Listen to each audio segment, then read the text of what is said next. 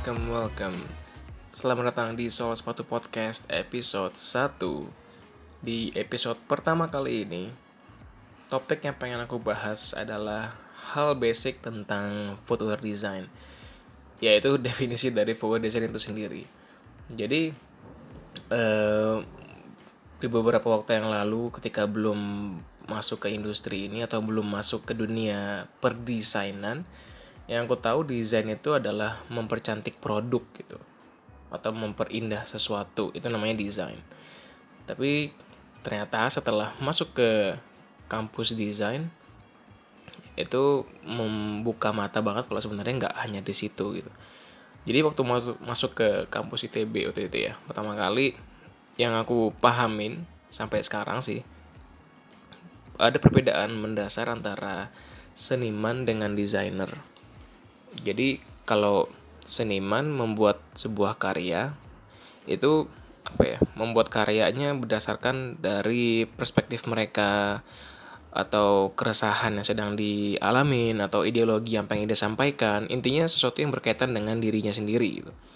jadi berkarya untuk dirinya nah perbedaannya desainer adalah kalau desainer berkarya atau membuat sesuatu itu untuk marketnya terutama di industri ini ya di forward industri ini ketika mem, ketika kita membuat sesuatu itu membuat sesuatu untuk market. Apa yang market butuhkan atau yang pengen perusahaan butuhkan. Dengan sedikit ada e, ideologi dari desainer itu sendiri. Nah ini perbedaan mendasar dari desainer dengan seniman. Ini yang aku pahamin selama selama ini ya.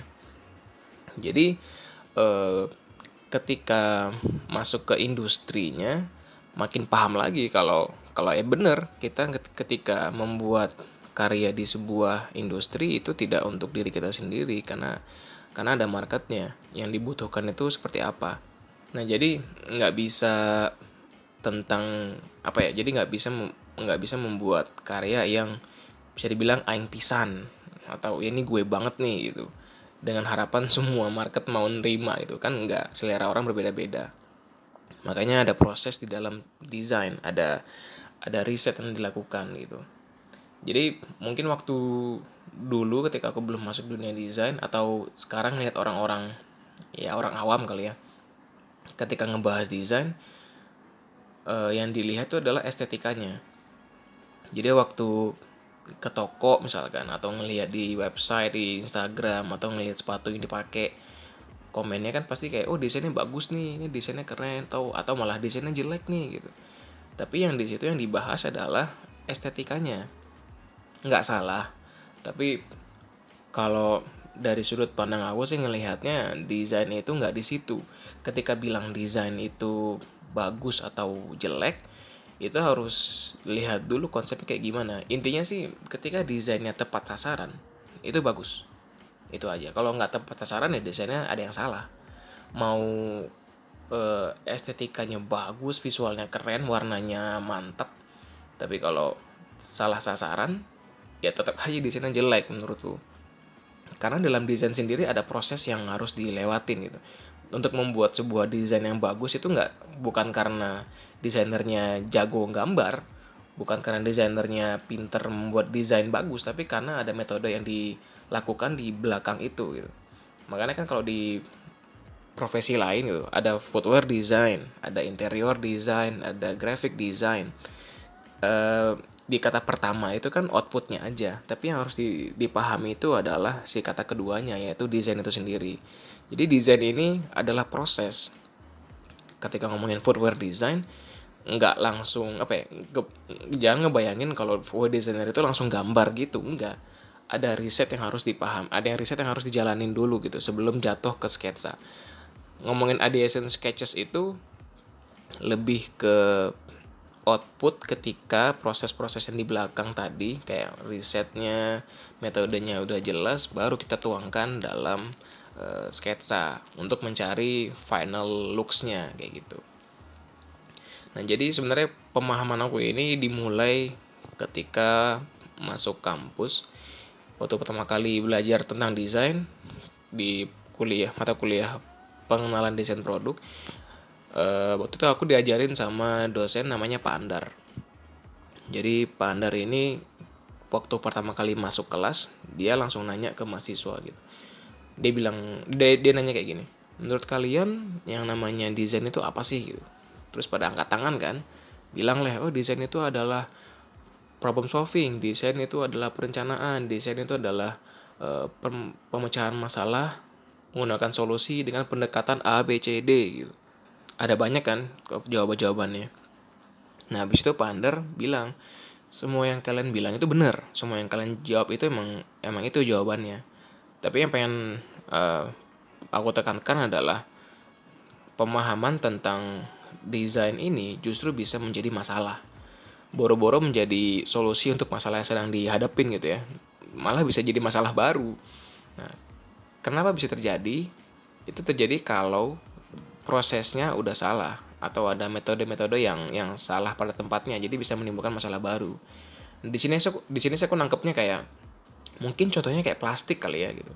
Um, mungkin di saat di saat pertama kali plastik itu ditemukan itu menjadi inovasi yang membantu banget. Tapi ternyata ada masalah baru yang lebih besar lagi yaitu masalah lingkungan. Nah mungkin contohnya kayak gitu contoh, contoh sederhananya. Sama halnya dengan uh, sepatu dengan footwear. Ketika metodenya atau tahap-tahapnya yang harus dilakukan enggak dilakukan langsung ke konklusinya aja yaitu sketsa justru malah menimbulkan masalah baru. Contohnya di running misalkan. Aku kan e, dari dulu sukanya performance. Nah, masalah-masalah yang aku temuin itu di masalah sepatu performance terutama running. Di sepatu running kalau ngedesainnya salah ini contohnya kayak sulasnya udah nggak bener materialnya salah fittingnya salah itu nggak diteliti dulu langsung ke estetikanya aja gitu. Uh warnanya langsung ini nih warnanya warnanya merah siluetnya kayak gini langsung ke situ kita nggak apa ya kita nggak akan tahu kalau sebenarnya kebutuhan dari sepatu running itu bukan di situ tapi di performance-nya kan. Nah kalau salah di bagian itu justru masalahnya adalah sepatunya bisa bikin cedera. Simpelnya kayak gitu. Nah ini yang harus di dipahamin dulu ketika ngomongin footwear design itu bukan footwearnya tapi desainnya metodenya itu harus paham. Makanya menurutku sih nggak semua orang bisa jadi desainer. Maksudnya bukan nggak semua orang tapi nggak segampang itu menjadi desainer. Harus ada ada pemahaman tentang metode-metode yang harus di, dilakukan terlebih dahulu.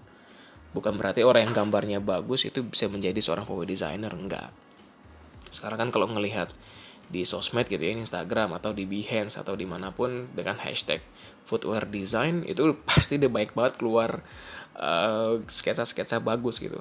Nah apakah mereka yang bikin sketsa bagus bisa dibilang seorang footwear designer? Enggak juga. Karena ya tadi desain itu dibuat eh apa di profesi desainer itu ada untuk memenuhi kebutuhan market. Berbeda dengan seniman. Makanya ini sih yang harus ditekankan terlebih dahulu tentang definisi dari footwear design.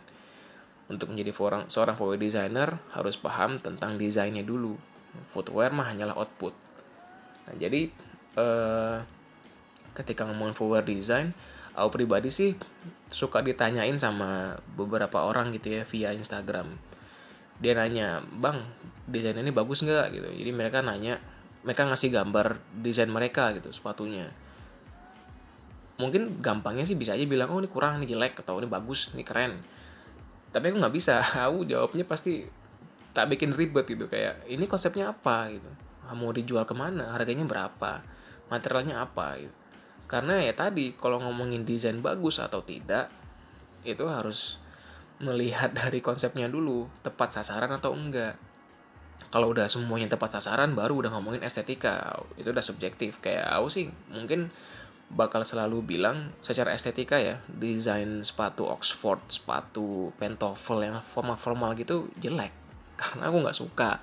Aku lebih cenderung menggunakan sepatu-sepatu yang uh, sporty.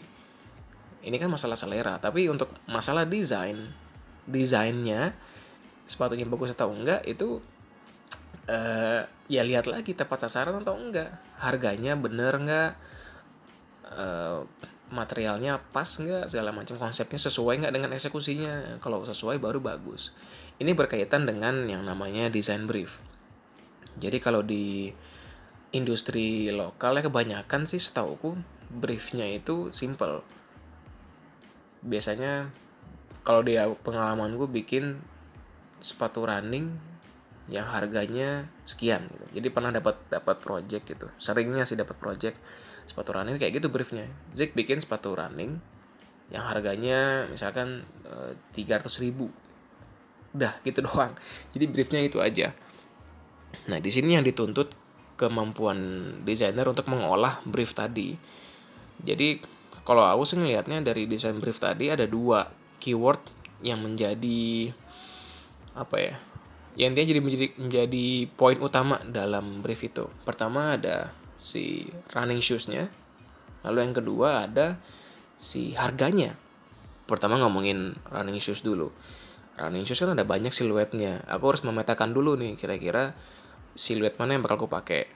Nah di situ dulu. Lalu pindah ke, ke poin kedua yaitu harga. Nah dari harga ini sih sebenarnya bisa ngelihat banyak banget atau bisa banyak penjabaran yang dilakukan dari si harga ini. Contoh, 300 ribu. Dari harga 300 ribu ini, kita bisa ngelihat atau bisa menentukan apa ya. E, pertama, marketnya seperti apa. Karena kan dari harga ini udah tahu dong di bakal didistribusiin ke mana. Nggak mungkin dong harga 2 juta, tapi dijual di pasar tradisional Contohnya kan gitu, nggak mungkin kan, karena siapa yang mau beli? Karena daya beli orang sana nggak setinggi itu. Makanya dari harga kita bisa ngelihat e, bakal didistribusiin ke mana. Lalu yang kedua, berkaitan dengan pendistribusian, udah kelihatan marketnya kayak gimana. Ya tadi daya beli mereka tuh seperti apa, habitnya kayak gimana. Contoh, kalau harga 300 ribu gitu harga murah kan. Marketnya cenderung menggunakan atau membeli sepatu yang matching buat segala outfit atau membeli sepatu yang bisa dipakai ke mana aja entah itu buat kuliah bisa, buat kerja bisa, jalan-jalan bisa, hangout bisa, ngedate bisa, semua serba bisa atau mungkin buat running juga bisa gitu. Nah, ini tipe market yang di pasar tradisional kayak gitu. Makanya eh, warna-warna yang bakal keluar pasti nggak akan warna-warna yang aneh-aneh. Ini bisa dibilang sebagai warna komersial. Nanti ada pembahasan lagi tentang colorway. Nah, jadi dari harga tadi udah ketemu banyak hal kan. Nah, nanti dari harga-harga eh dari dari eh, habit market tadi bisa kita kaitkan dengan siluet. Dari tempat distribusi tadi bisa kita kaitkan juga dengan siluet yang sebelumnya. Untuk untuk trending yang terjadi sekarang seperti apa di di area di situ. Kita udah milih nih, misalkan ngetren nih masalah lightweight atau masalah clean design yang nggak banyak ornamen tapi tetap good looking itu udah mulai kelihatan oh ternyata siluetnya kayak gini nih mulailah kita nge-sketsa. Jadi udah paham dari briefnya udah paham metodenya udah paham tentang tren material segala macem udah siap nih kira-kira apa yang bakal diolah baru kita terjun ke sketsa. Dari sketsa ini tujuannya adalah untuk membuat atau menemukan design language yang tepat. Karena kan nggak mungkin membuat sepatu yang clean design tapi banyak ornamennya gitu atau clean design atau yang yang speed looking karena running issues bikinnya malah sepatu yang sepatu berat gitu. Dengan dengan design language yang tegas-tegas itu kan nggak mungkin. Nah ini yang yang harus dipahamin untuk mungkin ada yang main jadi VW designer ya itu. VW designer itu bukan berarti yang yang mengedepankan sketsa bagus enggak tapi tapi pemahaman tentang metode desain itu sendiri. Karena yang dibutuhkan di perusahaan seperti itu. Sebagus apa pun desain gambarnya sebagus apa pun renderingnya kalau kalau nggak tepat sasaran nggak sesuai kebutuhan perusahaan atau market ya tetap aja nggak akan laku gitu nah ini ngomongin laku nggak laku sebenarnya nggak nggak melulu tentang produk ya Eh, banyak faktor sih yang menentukan barang ini laku nggak laku.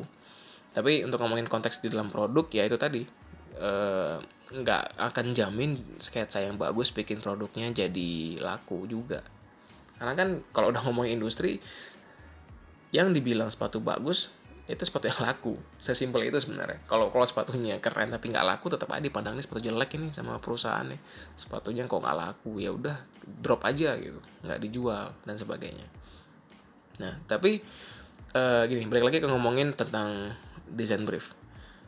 Desain brief tadi kan udah jelas udah bisa menjabarkan segala macam nah desain brief ini termasuk salah satu desain proses ketika sudah sampai tahap sampling misalkan udah sampai sampai tahap siap jual udah masuk toko pun itu masih dalam tahap proses itu nggak selesai. Yang di proses yang terjadi di sana adalah uh, feedback. Ini yang sedang dilakukan banyak brand sih. Nggak sedang sih dari dulu juga ya. Dan seterusnya bakal kayak gini terus. Jadi kalau kalian ke toko gitu ngelihat ngelihat uh, sepatu yang udah dijual bukan berarti prosesnya selesai. Ini masih dalam tahap development tapi untuk melihat uh, feedback dari marketnya. Makanya banyak kan sepatu-sepatu yang silonya itu sampai berpuluh-puluh gitu. Contoh kayak Nike Pegasus sekarang sampai Nike Pegasus 36 sekarang mau keluar. Terus ada kalau Saucony ada Kinvara ada Kinvara 1 sampai 10 jadi kan dari 1 2 3 sampai 10 itu ada ada feedback dari market yang terus diimplementasikan ke dalam produknya next produknya gitu jadi sejauh itu pun bertahun-tahun itu pun tetap masih dalam desain proses. Nah, jadi kebayangkan betapa serunya, betapa panjangnya proses untuk membuat sebuah desain yang bagus. Jadi bukan berarti sketsa atau rendering yang keren gitu.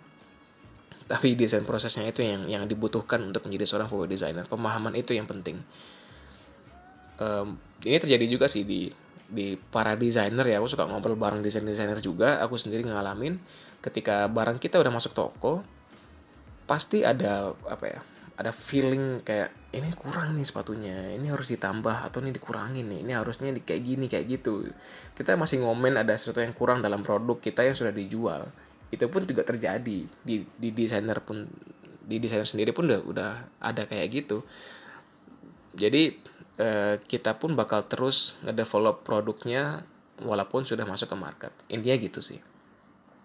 Nah, uh, jadi pengertian dari footwear design lagi yang aku tekankan adalah pemahaman tentang desainnya, bukan footwearnya. Jadi bukan berarti di sketsa nggak penting ya. Aku tadi selalu me menekankan kalau bukan sketsa yang dicari, tapi intinya adalah untuk memahami profesi ini untuk melihat sebuah desain bagus atau enggak itu harus paham dulu konsepnya. Harus paham dulu uh, tujuan dari sepatu ini seperti apa. Baru kita bisa bilang desainnya bagus atau enggak. Ketika semua udah bener, ketika semua udah tepat sasaran baru bisa kita bilang ini sepatunya bagus atau jelek tinggal masalah selera. Ya sama hal kayak musik sih kalau ngelihat musik itu sebenarnya musik yang bagus dan enggak itu bisa dinilai. Itu bisa di ada standarnya. Tapi ketika ngomongin musik bagus mana yang kita suka itu baru ngomongin selera. Sama hal dengan sepatu. Kalau sepatu desain sepatu yang bagus itu bisa diukur gitu. Entah dari pengerjaannya konsepnya eksekusinya atau ngomongin fitting segala macam udah mulai ke teknikalnya itu bisa dinilai. Nah, tinggal masalah sepatu bagus mana yang kita suka, itu baru selera. Nah ini yang suka terjadi di masalah konteks tadi yang gue bilang di awal desain bagus, desain jelek dalam hal estetika tuh di situ. Masalah selera. Tapi nggak bisa bilang sepatu ini jelek karena selera kita nggak suka sama itu. Itu kan jadi nggak fair aja. Nah jadi uh, untuk episode pertama kali ini cuman pengen bahas itu dulu tentang basic dari footwear design, definisi dari footwear design dan untuk nextnya aku bakal bahas lagi hal-hal yang lain tentang footwear industry. Kalau ada yang pengen ditanyakan bisa langsung nanya ke atau DM ke Instagram aku at uh, agak alay. Atau cari aja Zikri Zulfikar di Instagram ntar ada yang namanya alay yaitu aku boleh DM boleh uh, nanya-nanya di sana tentang forward design atau tentang podcast ini. Monggo Sekian dulu. Uh, sampai ketemu di episode selanjutnya. Bye bye.